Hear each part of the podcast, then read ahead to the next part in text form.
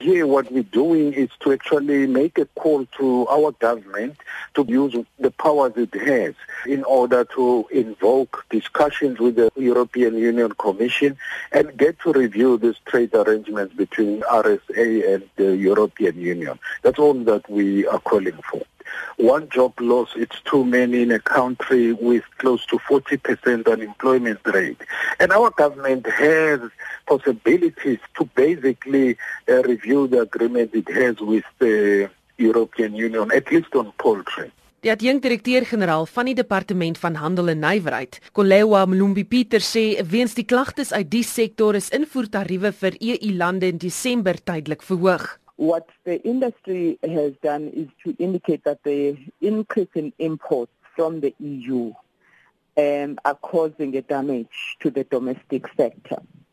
Mm-hmm. And um, there are processes that the industry is fully aware of uh, that must be followed for us to be able to look at either the increase in tariffs or to look at remedies that are available to us as a country to be able to protect a specific sector. In terms of trade remedies, you can put a safeguard measure, which happens when there is a drastic increase in imports.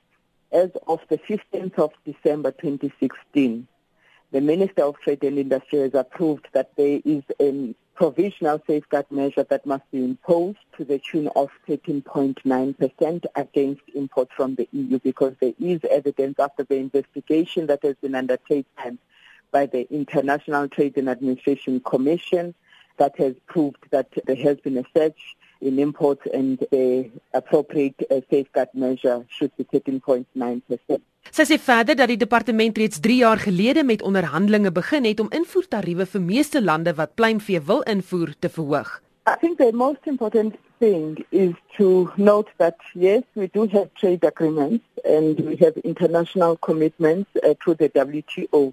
That would stipulate the level of protection you can provide uh, to industry. And we have been working uh, with industry given the challenges that they have raised with government uh, regarding the poultry sector and the number of interventions that we have put in place as government for the past three years because we were forward looking in our approach in terms of the support that we can provide uh, to avoid job losses.